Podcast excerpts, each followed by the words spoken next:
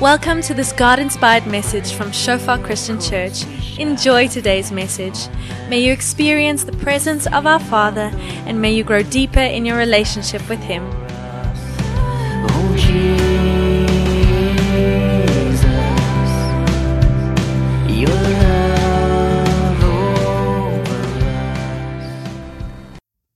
Welkom hier vanoggend. Uh, vir die van julle wat my nie ken nie, my naam is Wian. Ek's die pastoor hier en is 'n eer en 'n voorreg om vanoggend hier te kan wees en uit die woord met julle te kan deel. En voordat ek wegspring, wil ek dit vir ons open in gebed. Ja Here, dankie vir u goedheid Vader. Dankie dat ons hier kan wees vanoggend Vader. Dankie dat ons die woord het Here. Dankie Jesus vir u offer op die kruis Here, is wat Jan ook gesê het Here, daai wonderlike woorde. Amazing grace how sweet the sound. En mag ons vanoggend net weer besef Here hoe wonderlik daai klanke van genade is, Here. Hoe wonderlik die boodskap van die evangelie. Redding, Here, vir ons en ook vir die nasies. En dankie Here dat soos wat ons hier sit vanoggend Vader, weet ons Here en ons besef soos wat ons kyk na die woorde van skrif Here dat daar is niks wat ons tot ons verlossing byvoeg nie, Here. Daar's niks wat ons na die tafel toe bring nie, Here, maar U doen die werk. En dankie vir dit, Here. Dankie vir die genade, Here, wat uitgegiet is in elke hart hier vanoggend. Dankie vir die openbaring van wie U is. Dankie Jesus vir U werk op die kruis. Dankie Heilige Gees dat U werk in harte en ons lei in waarheid in. En ons kom bid Here dat ons hier sal uitstap vanoggend Here met 'n groter openbaring van wie U is en 'n groter bereidwilligheid Here om onsself heeltemal oor te gee en te gehoorsaam Here as ons U woord hoor. Ons bid dit in Jesus naam. Amen. So vanoggend se titel is rus vir die vermoeides wees stil en weet hy is God. Ons het 2 weke terug so 'n bietjie gekyk na gebed, 'n interessante stuk skrif en in 'n konteks van die geskiedenis van Israel en ons het gesien hoe gebed ons harte ontbloot. Die goeters waarvoor ek bid, die redes wanneer ek bid, die omstandighede van my gebed en ook die tye wanneer ek nie bid nie of die areas in my lewe waar daar geen gebed is nie, vertel vir my bietjie iets van my hart. Dit waarvoor ek bid, dit wys vir my wat in my hart aangaan, waarvoor ek God vertrou, waarvoor ek lief is, waarvoor ek omgee en of ek regtig gebed verstaan. Dis nie een van die hartseer goeders as dit kom by gebed is vir ons wat lewe in 'n tradisionele Christelike land. En wat deur klein tyd ook goed geleer was, jy weet, ek sit met daai selfde ding soos ek saam met my kindertjies bid in die aande en soos wat hulle bid, hoe leer ek hulle, hoe wys ek hulle dat hierdie nie net 'n oulike rympie is wat mense opsê nie, maar daar's krag in gebed.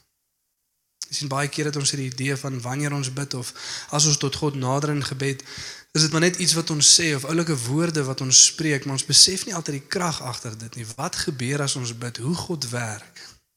En een van die goed deur vanoggend se stuk skrif is wat ek graag wil hê in harte moet insink. 'n Openbaring wat moet land is hoe God kragtig deur gebed werk, hoe God deur gebed wil werk.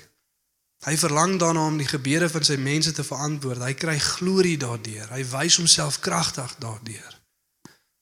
God wat in sy soewereiniteit werk deur die gebede van sy mense. En soos wat die skrif vir ons sê in Filippense 2 dat God werk en wil in ons om te werk en te wil vir sy welbehae. Hy sit passies en begeertes in ons. Hy druk goed op ons hart wat ons na hom toe moet vat in gebed sodat hy daardeur kan werk.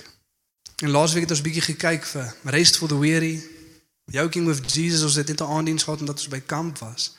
Maar die idee dat ons na Jesus toe moet kom en van hom ontvang, leer van my.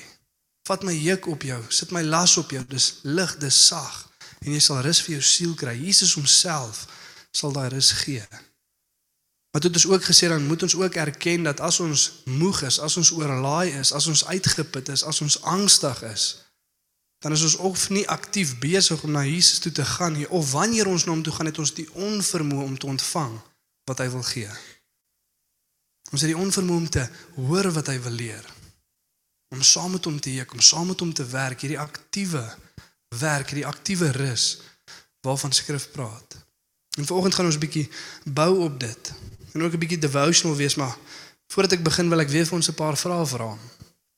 En die eerste vraag is dit: Hoeveel persent van jou lewe word in jou gebedslewe verteenwoordig? Daar's klomp goeders wat ons doen, wat ons dink, planne wat ons het, areas van ons lewe, ons verhouding met die Here, ons verhouding met die gemeenskap, vrou, kinders, werk, allerlei planne wat ons het, goeders wat ons aanpak. Hoeveel van wat jy besig is, hoeveel van wat 'n invloed het op jou lewe, kan mens sien in jou gebedslewe. As jy 'n persentasie daar wil aanheg, hoeveel sal dit wees? 'n Belangrike vraag wat ons vir onsself moet vra. Dan soos wat ons laasweek gesien het, en dit is hoekom dit aansluit hierso by ons wat vermoeid is, wat wat moeg is, wat oorlaai is. Jy sien van die areas van my lewe wat ek nie tyd in gebed spandeer nie, moet ek dan ook erken maar hierdie is moontlik areas waar ek die idee van sukses vir myself gegee het. Ek het die doelwit gestel. Ek het die pad beplan. En elke liewe doelwit wat ek stel of elke liewe strategie of plan wat ek het om iets te bereik in die lewe wat nie in gebed gebore was nie, wat nie deur God gegee was nie, kyk ek na myself as die bron wat hierdie nou moet laat vrug dra. Ek is die een wat hierdie plan of hierdie ding moet laat realiseer. Ek kyk na myself, daai las is op my. Maar elke liewe keer as ons na God toe gaan en hy gee vir ons die plan, hy gee vir ons die doelwit, dan is hy die bron wat daai plan sal laat uitvoer. Hy is die een wat sal krag gee, hy is die een wat sal leiding gee. Hy is die een wat sal seker maak dat dit gebeur. So moet ons vir onsself vra die planne en die doelwitte en die strategieë wat ons het. Eenvoudige goeders. Partykeer waar ons gaan aftree, wat ons gaan doen, hoe ons genoeg geld gaan bekaar maak. Hoe ons genoeg besittings bymekaar gaan kry wat ook al die geval mag wees. Hoeveel van daai planne is planne wat van God afkom en hoeveel is jou eie planne? Dit waarmee jy nou besig is, daar waar jy werk, die planne wat jy het, dit waartoe jy mik. Hoeveel van dit is jou eie idee en hoeveel is God se? Belangrike vraag om op te reflekteer. As mens uit 'n ander manier kan vra na wie toe hardloop jy as goeters 'n bietjie snaaks raak. Soos wat Henny nou gesê het, as die wind ons bietjie deur mekaar waai en ons het nie lekker rigting nie. Ons het nie lekker 'n plan nie, ons word bietjie geskit. Jy weet, is God jou adviseur of wie is?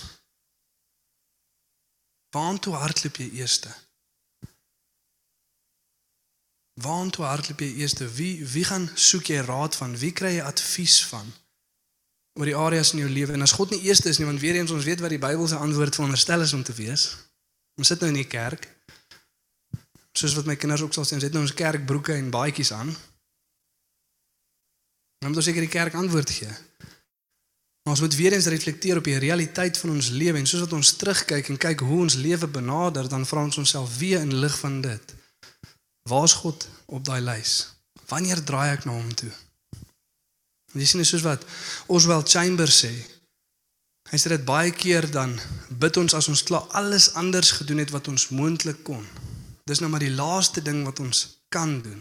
En as daar niks meer oor is om te doen nie, dan bid ons. Maar God wil hê ons moet bid voordat ons enigiets anders doen.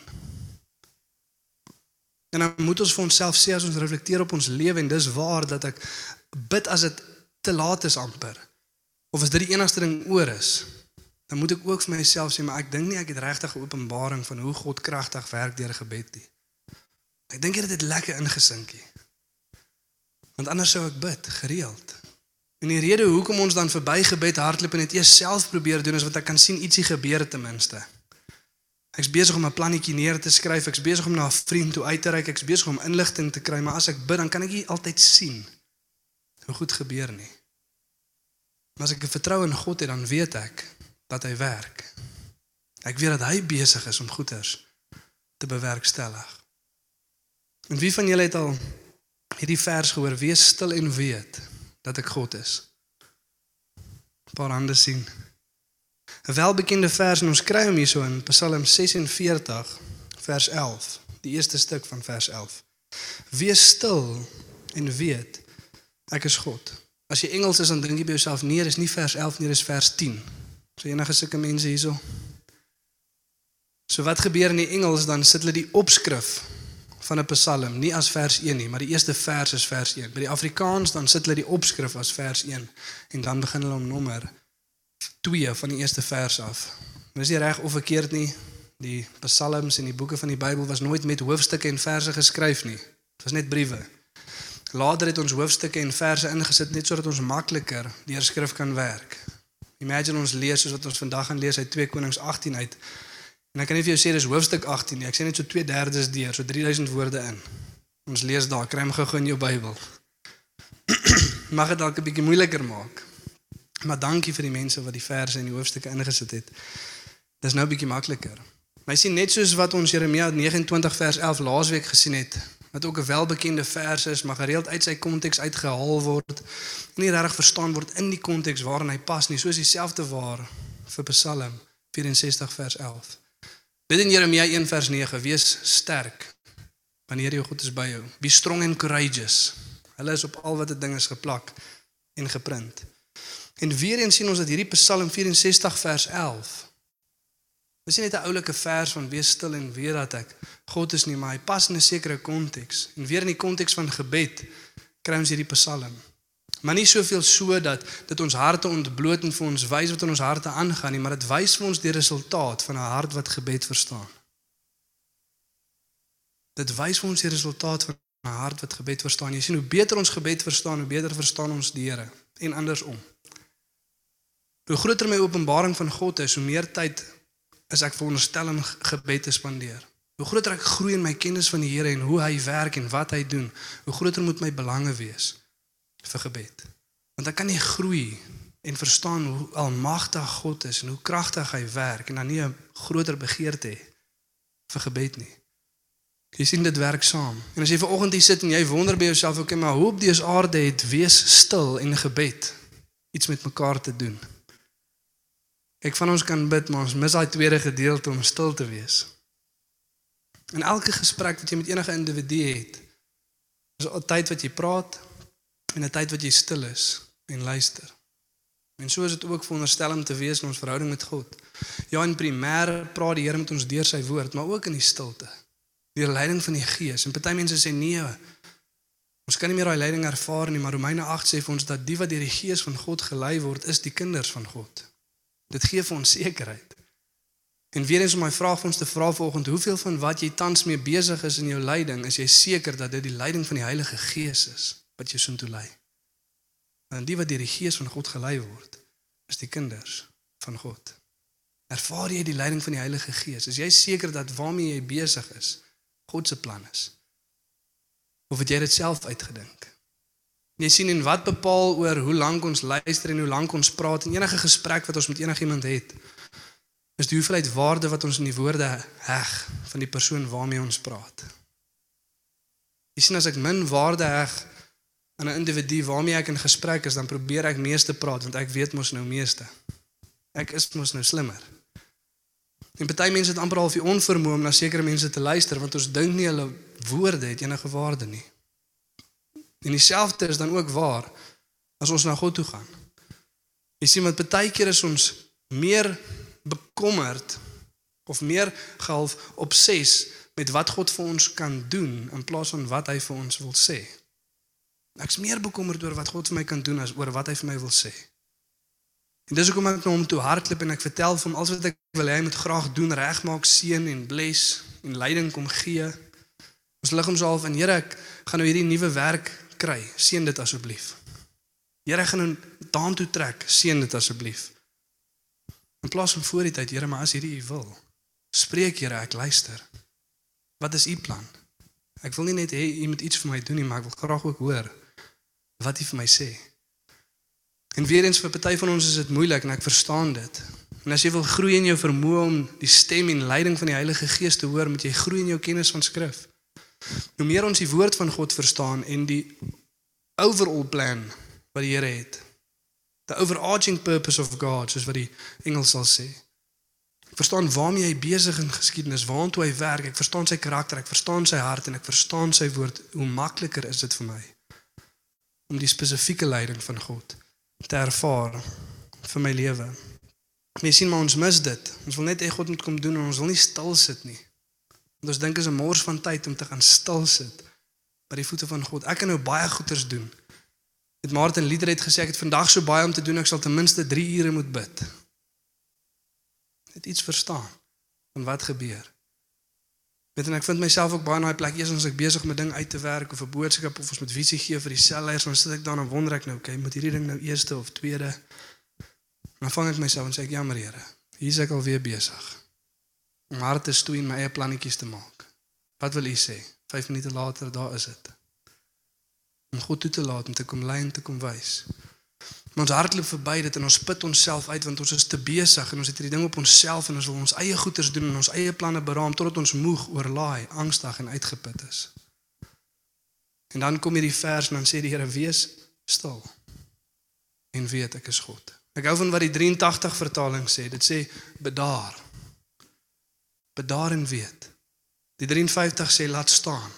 Laat staan, bedaar, wees stil. Hou op stoei. Hou op hardloop. Sit gou stil en hoor en reflekteer op dit wat ek wil doen en op dit wat ek gedoen het. Maar laat toe dat God ons iets kom wys. En vandag gaan ons kyk in die konteks van waar hierdie vers pas. En daar's twee kontekste. Die lied Psalm 64 waarin die vers kom, maar ook die geskiedkundige konteks. 'n Stuk geskiedenis wat gebeur het in Israel. En in lig van dit, in lig van wat God gedoen het, was die respons van Israel se kant af hierdie lied wat hulle gesing het toe God 'n sekere ding kom doen het. So ons gaan begin met die geskiedkundige konteks en dan gaan ons kyk na die Psalm. Ons lees in 2 Konings 18 van 'n koning Hiskia weet nie wie van julle al van koning Hiskia gehoor het nie. Maar interessante individu net vir julle te wys wat se tipe mens ons hiermee te doen het. Lees ons in 2 Konings 18 vers 5 en 6 die volgende. Dit sê hy het op die Here, praat van koning Hiskia, die koning van Israel vertrou sodat onder al die konings van Juda na hom en die wat voor hom gewees het niemand soos hy was nie. Ja, hy het die Here aangehang sonder om van hom af te wyk en sy gebooie onderhou wat die Here Moses beveel het.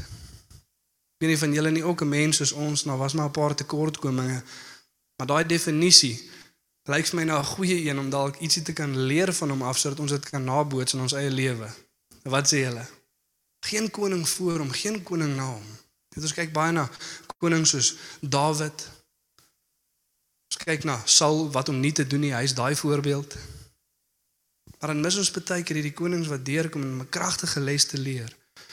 En hy gaan en hy breek die hoë plekke af waar Israel geoffer het aan die ander gode van die nasies. Hy breek die staf van Moses waarmee hulle uit na die beloofde land toe gelei het. Want die mense het ook aan die stafoffers gebring. Weet ons mos die mensdom, ons doen sulke snaakse goed. En hy breek die staf en hy breek die plekke aan en ons baie goed wat hy doen en hy veg oorlog en hy wen baie grondgebied vir Israel terug. Maar as daar een ding is waar ons kan stil staan, dan is dit sy vertroue in die Here, sy verstaan van die krag van gebed. Sy verstaan van die vermoë om stil te wees en te wag totdat die Here praat, voordat ek ander planne gaan beraam.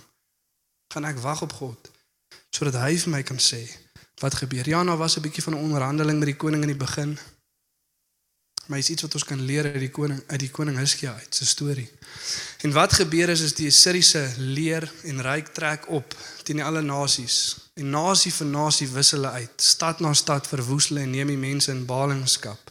Hulle trek op teen Samaria, hulle oorheers en oorwin dit. Hulle trek op teen die gevestigde stede van Juda en hulle oorwin dit. En nou staan hulle voor die mure van Jerusalem. En daag die mense van Jerusalem uit die laaste stad wat nog staan. En die mense daar binne en hulle sê vir hulle allerlei snaakse goeters en maak allerlei uitdagings aan hulle. Maar waarop dit neerkom en die vraag wat ons moet beantwoord, sien ons in vers 19. 2 Konings 18 vers 19. Toe sê die hoofadjutant vir hulle: "Sê vir Hiskia, so sê die groot koning van Assirië, waarop berus hierdie vertroue van jou?" Waarop berus hierdie vertroue van jou? Hoekom wil jy nie uitkom nie? Hoekom wil jy nie oorgee nie? Dink jy regtig jy kan wen? Waarop berus hierdie vertroue van jou? En dan lees ons in vers 35 en spot hy en sê die koning, wie van al die gode van die ander lande kon sy land uit my mag red? Dan sal die Here mos nie Jerusalem uit my mag kan red nie. Hier is die uitdaging, daar's die vraag wat ons moet beantwoord. En 'n interessante ding wat ons aanskou is dat ons sien dat hierdie gebeur met 'n man toegewy aan God. Soveel sodat daar geen koning voor hom sal wees of wat na hom sal kom nie. 'n Man toegewy aan God en hierdie gebeur. Dan sien ons dat dit sê nie as ons getrou is aan God dat swaar kry nie oor ons pad sal kom nie, want teendeel dit word beloof. Ons sal vervolg en verdruk wees, maar die belofte is dat God is met ons en die eindresultaat is glorie aan sy naam en goedheid in ons lewe 'n geloof wat meer suiwer is.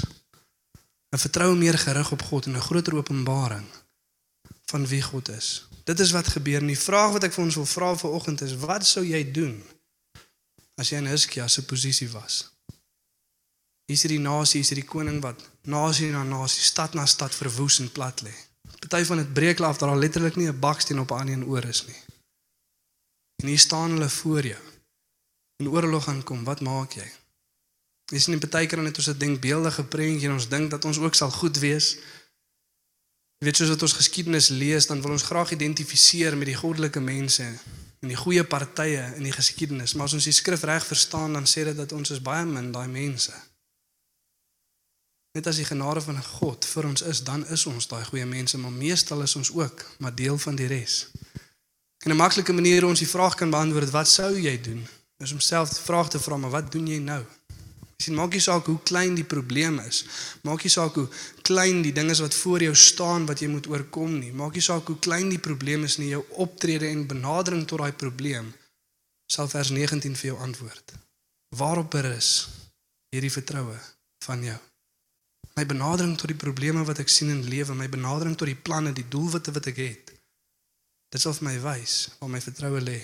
Waarna kyk ek eers? Waartoe hardloop ek eers? My paycheck? My diensnemer, die mense wat vir my werk gee, die vriende om my, een of ander slim persoon se raad of advies? Of draai ek eers na God toe? En dan is die teenoorgestelde ook waar in tye van oorvloed waar daar niks teen ons staan nie, maar ons is besig om planne te beraam en doelwitte te stel. Wat is ons benadering tot dit? Want dit sal weer eens vir ons wys waar ons vertroue lê. En kyk wat doen koning Hizkia as hierdie kom. Vers 19 ag hoofstuk 19 vers 1 en 2 dan lees ons die volgende. Toe koning Hizkia dit hoor, het hy ook sy klere geskeur. Hy het rou klere aangetrek en is na die huis van die Here toe. Die eerste ding wat hy doen, hy is na die huis van die Here toe. Hy het gaan bid en genader tot sy God. En daarna stuur hy die paleisbestuurders, Eliakim, die staatssekretaris Sebna en die leiers van die priesters, almal in rou klere na die profeet Jesaja, seun van Amos toe.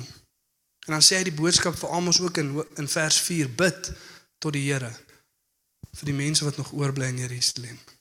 Maar kom ons bid en kom ons span saam. En 'n belangrike ding vir ons om te verstaan is koning Hizkia is nie besig om sy gebedslewe en sy wag op God te outsource nie. Hy stuur dit nie hier na die profete nie, nee, hy het eers self gaan bid.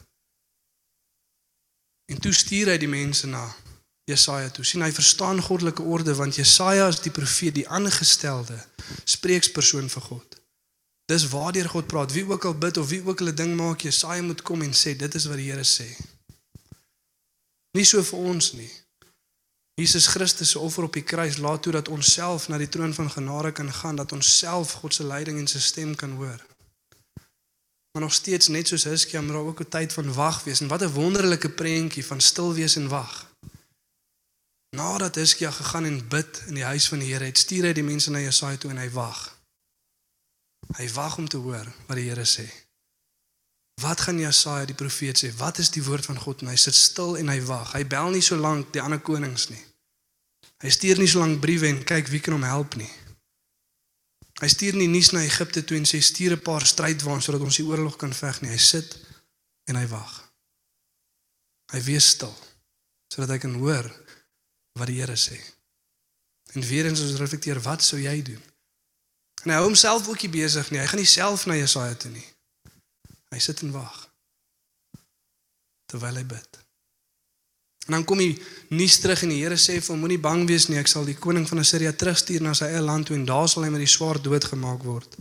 Maar soos wat die koning terug gaan stuur hy 'n brief na Hizkia toe en sê al gaan ek terug na my eie land toe my leer sal nog steeds hier bly en ons sal nog steeds hierdie stad oorneem en ons sal nog steeds almal hier binne doodmaak. En dan sê hy die volgende wat gebeur toe Hizkia die brief kry en sien ons wie hierdie ding afspeel. 2 Konings 19 vers 14 tot 15. En toe Hizkia die brief uit die hand van die boodskappers ontvang en dit gelees het, het hy opgegaan na die huis van die Here weer eens. En Hizkia het dit voor die aangesig van die Here uitgesprei. Mooi is dit nie? En Hizkia het voor die aangesig van die Here gebid en gesê: Here God van Israel wat op die Egipte troon. U alleen is die God van al die koninkryke van die aarde. U het die hemel en die aarde gemaak. Draai oor na ons toe, Here, luister, maak U oë oop, Here, sien. En hy bid. En hoe wonderlik is daai woord dat dit gevat en uit gaan sprei voor die Here. Here, hier's die hele brief. Hier's alles wat in my gedagtes aangaan. Hier's my idees, my planne, my gevoelens, my vrees. Ek sprei dit uit voor U. En 'n vraag wat ek vir ons moet vra, hoe gereeld en hoe lank terug het jy jou hart voor God gaan uitsprei? sê Here, hier's my hart. Hier's die gedagtes wat ek dink, hier's die planne waarmee ek besig is. Hier's die doelwitte en die goeders wat ek vir myself stel. En soos wat ek dit uitsprei voor U sê ek, Here, ek raak stil. En wat ook al U wil kom sê, kom sê. Wat ook al U wil kom verander, verander. Maar kom buig verander. Stuur en lei, Here. Ek luister, maar hierdie is my hart. Ek sprei dit oop voor U. Hierdie is die gedagtes wat ek dink wat ek weet ek moet nie. God weet ons dink dit. Ons kan dit net sowel voor hom gaan uitsprei. Gaan sprei dit uit voor die Here. En soos wat Hizkia bid en als voor die Here uitsprei, dan kom die boodskap weer van Jesaja af terug in vers 20. Dan sê dit toe laat Jesaja die seun van Amos Hizkia weet. So spreek die Here, die God van Israel, wat jy tot my gebid het in sake Sanherib, die koning van Assirië, het ek gehoor. Wat jy tot my gebid het, het ek gehoor. En ek sal ons aanraai as jy by die huis kom vanmiddag om hierdie stuk te gaan deurlees en te gaan kyk wat God dan sê.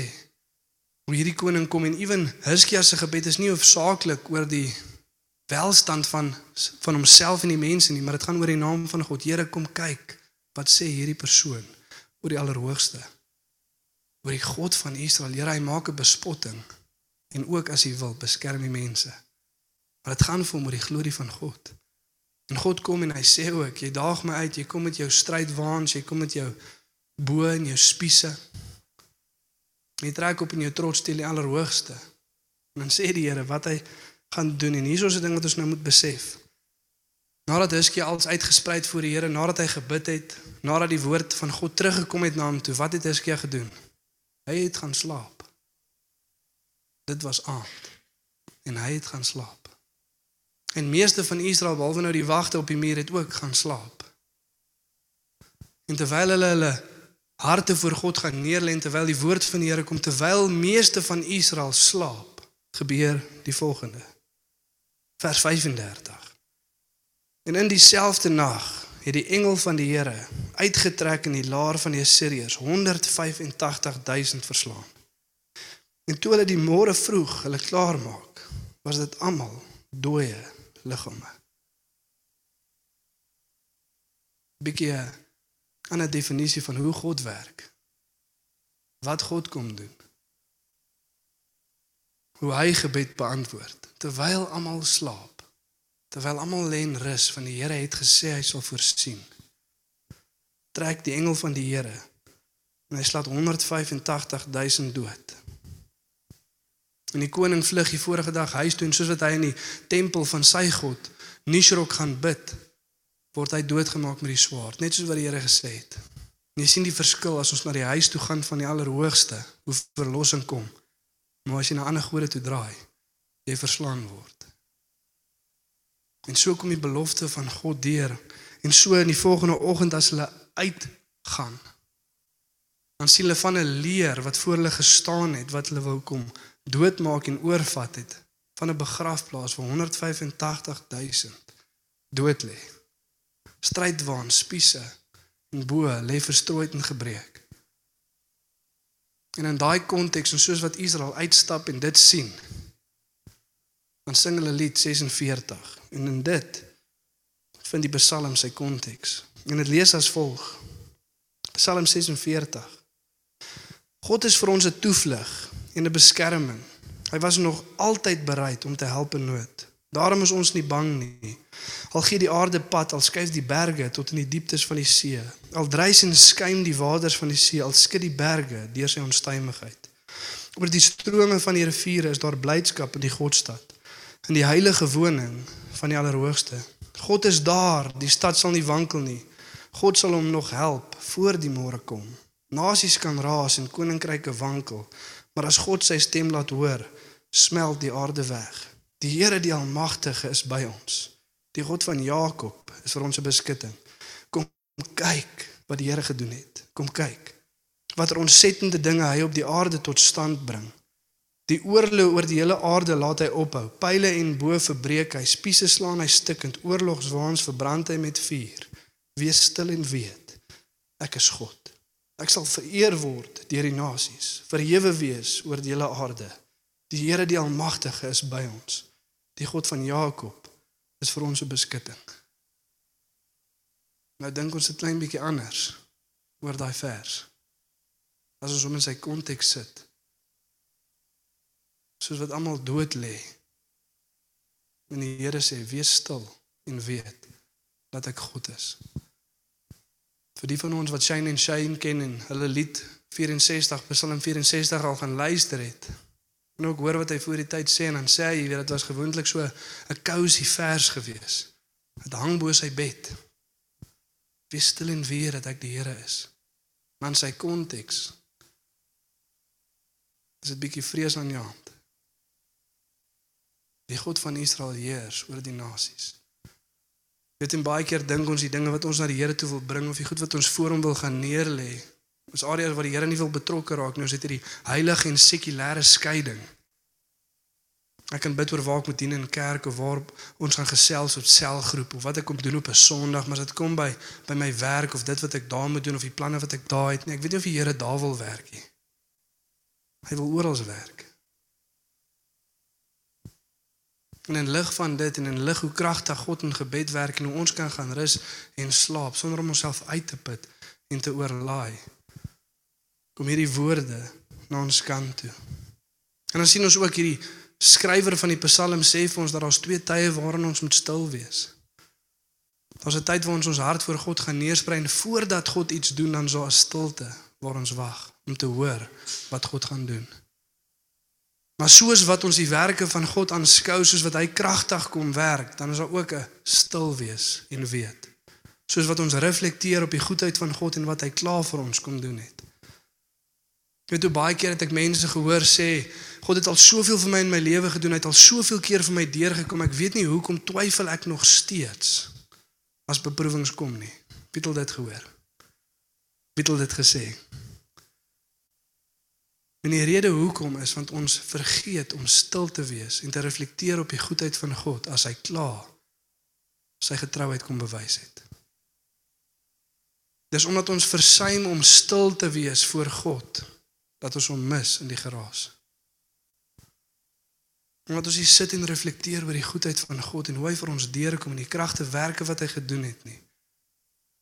En as die geraas opsteek en dit raak deur mekaar dan mis ons God en dan hardloop ons rond en ons stuur briewe uit en ons beplan oorloë. Ons kry waans by mekaar en span die perde. En dan sê die Here vir ons ek sou jou help. Ek sou hierdie vir jou doen. Maar aangesien jy slim is, kom ons kyk. Kom ons kyk hoe vorder jy. Maar as goed wat ons vir God kan gee sodat hy dit vir ons doen. Ons hoef nie die plannetjie self te beraam nie. God wil graag ons lei. God wil graag kom wys. God wil graag kom verlos. Dis sy hart vir ons. Maar dit gaan vir ons vat om stil te gaan raak by God sodat hy vir ons kan kom wys. En soos wat ons hier so sit is daar dalk baie goeie wat in jou lewe opkom wat die getrouheid van God kan wys. Waarop jy kan reflekteer en gaan stil word. Maar mag daar een ding wees wat ons gedagte oorheers bo en behalwe alles. As dit kom by die getrouheid van God en 'n area waar ons moet stil raak en weet dat hy God is. En ons lees dit in Romeine 8 vers 31 tot 32. Wat sal ons dan van hierdie dinge sê? As God vir ons is, wie kan teen ons wees? Hy wat self sy eie seun nie gespaar het nie, maar hom vir ons oorgegee het, hoe sal hy nie saam met hom ook alles genadiglik skenk nie? Mag dit ons gedagtes oorheers. Dat God daai oorlog vir ons geveg het, die geveg teen sonde en die dood. En toe Jesus Christus weer gekom en verlos. En dan skryf Paulus, wat sal ons dan vir dit sê as ons dan stil raak en reflekteer op die goedheid van God, dan weet ek dat as God self sy seun nie gespaar het nie, maar vir my gegee het, hoeveel meer sal hy nie alle dinge genadiglik vir my skenk nie. As ek reflekteer op die goedheid van God en Jesus Christus op die kruis en daar staan 'n oorlog voor my, dan twyfel ek nie dat Jesus Christus vir my sal deurkom nie, want hy is getrou. En ja, hy is ons voorsiener en ja, hy is ons beskermer. Maar mag hy voor en boon behalwe dit als ons redder wees. Die een wat kom red het. En in lig van dit sê Jesus ook vir baie van ons vanoggend as dit kom by jou saligheid, as dit kom by jou redding, hou op self probeer, hou op stoei. Bedaar, laat staan, wees rustig. Weet dat Jesus God is. Kan jy sien wat hy vir jou kom doen het? Al af die swaar las wat God wil probeer beïndruk. Al af die swaar las dat jy die geveg teen sonde alleen moet veg. Al af die las dat jy die bose magte alleen moet veg. Wees stil, bedaar. Laat staan. En weet dat hy God is. Soos wat jy reflekteer op die goedheid van Jesus Christus op die kruis.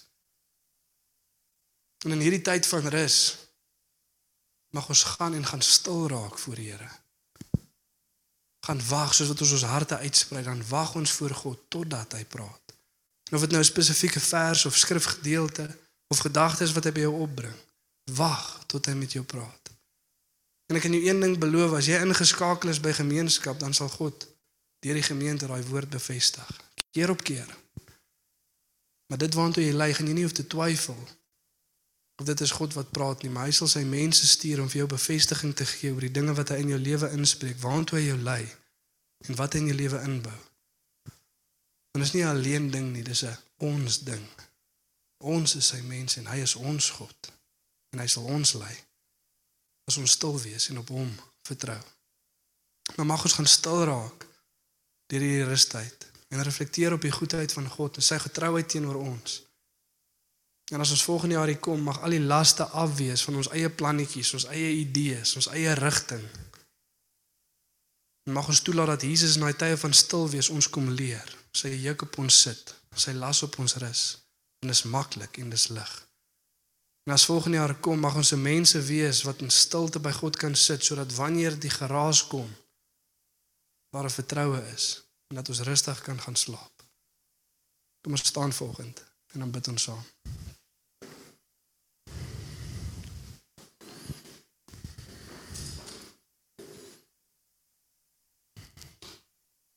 Ja Here, dankie dat ons vanoggend voor U kan kom, Here en kan kom stil raak, Here. En dankie Vader dat U vir ons kom sê ook vanoggend, Here, as ons daai tye vat, Here, om net eenkant te gaan sit en net te wag op U, Here. Net maar daai koffie koffie te gaan sit, Here, voordat ons begin praat, voordat ons ons Bybel oopmaak, Here, net in rustigheid te sit en stil te wees. En ons het maklik hier om te identifiseer waar ons angs het, Here, waar ons bekommerd is, wat se goed ons gedagtes oorheers, waar ons na onsself kyk. Om hierdie goeders te laat gebeur, Here, want dis daai eerste gedagtes wat opkom. Dis daai gedagtes wat my pla, wat ek nie kan stil raak oor nie, Here. En soos wat die bekommernisse van die wêreld kom, Here, En soos daai gedagtes my oorheers, Here, en vir die onvermoë om stil te raak as hulle kom, Here, mag ek hulle oop sprei voor U. En sê ek kan sien, Here, dat hierdie is wat toelaat. Dat my gedagtes so deurmekaar is. Hierdie is wat my nie toelaat om stil te raak nie, Here. Ek kom sprei dit voor U oop. En Here, kom gee ons die genade om dan te wag, Here, te wag op U stem, Vader. Ons kom breek die leen af, Here, dat ons by U voete sit en wag, Here, dat ons tyd mors. Daar's geen meer produktiewe ding, Here, as om te bid tot U en te wag op U stem, Here. So vir die inskrywer ook sê, Here, gebed berei ons nie voor vir die grootste werk nie, Here, gebed is die grootste werk. Dis in gebed, Here, wat U harte vorm, Here, is in gebed wat U ons uitstuur, Here, dis in gebed wat U ander na ons toe stuur, Here. Ek kom bid en breek die leen af, Here, dat daar so 'n sekulêre plek en wêreld is waarmee ons moet besig wees, Here, wat U nie wil betrokke by raak nie, Here, of waar U nie voorantwoorde het nie. Mag ons elke liewe deel van ons lewe voor U kom neer lê, Here, mag ons oop wees vir U leiding elke liewe dag. En ek kom bid, Here, dat ons nie net sekere tye sal hê, Here, ons half gebed inperk nie. Hier is ons nou waar ek bid, hier is ons nou waar ek luister. Maar ek kon bid Here dat ons 'n leefstyl sal hê Here, soos wat ons na 'n meeting toe ry, soos wat ons sit en wag. Sodat ons ry in ons kar, Here. Sodat ons ons kinders gaan oplaai en aflaai, Here, mag ons bid, Here. Mag ons ons harte voor U neer lê. En mag ons konstant bewus wees, Here, van 'n heilige God wat wil kom lei, Here. En dankie Here dat U vir baie mense wat vanaand hier vanoggend hier sit, Here, wil kom sê soos wat U vir Hiskia gesê het. Jou gebeure oor daai situasie, oor daai persoon, oor daai ding. Ek het dit verhoor. Wees rustig, jy kan nou maar gaan slaap. Jy hoef nie wakker te lê daaroor nie. Dankie Here vir u goedheid. As jy volgende hier staan en jy wil net weer opnuut jou gebedslewe voor God bring en jouself aan hom toewy, net waar jy staan, lig jou stem op na die Here toe. Sê Here, hier is ek. Gee my die genade om stil te kan wees, Here. Gee my openbaring van gebed. Gee my openbaring van wie U is. Net waar jy staan, lig jou stem op na die Here toe.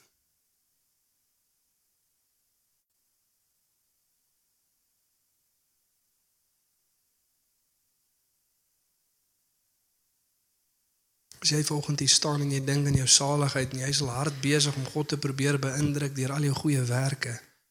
Jy is uitgeput, jy's moeg, jy's oorlaai. Want jy's nie veronderstel om jou eie geregtigheid te probeer verdien nie. Jy kan dit nie doen nie. Dit gaan nie so werk nie. Ons beste werk is sonder God is soos vuil klere voor hom. En God kom sê volgens vir jou bedaar, laat staan, wees stil. Kyk na die volmaakte werk van Jesus Christus op die kruis.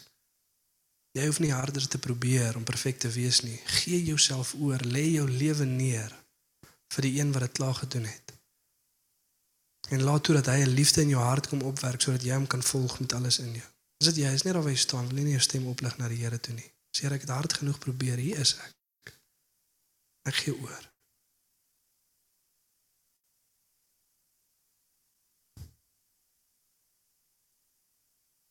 Ja Here, dankie vir u goedheid, Vader. Dankie vir u guns. Dankie Jesus Christus vir u werk op die kruis, Here. Dankie vir die oorlog, Here, wat u vir ons geveg het. Die dood, Here, wat u vir ons gesterf het. En dat u weer opgestaan het, Here, met krag van die Vader tot nuwe lewe. Ons kom gee onsself oor aan U. Dankie Heilige Gees dat U kragtig werk en lei. Ons kom bid, Here, vir ore wat oop is om te luister as U lei. Maak nie saak wat dit is nie, Here. Al is dit goed wat ons moet gaan bely, al is dit mense wat ons moet vergewe of te gaan vra vir vergifnis, of daai ding wat ek vir my man of vrou moet sê, Here, of wie ook al, mag ons gehoorsaam wees en mag ons U volg. Dankie Here dat U die God is wat praat. U skape hoor U stem. En ons volg U in Jesus naam. Amen.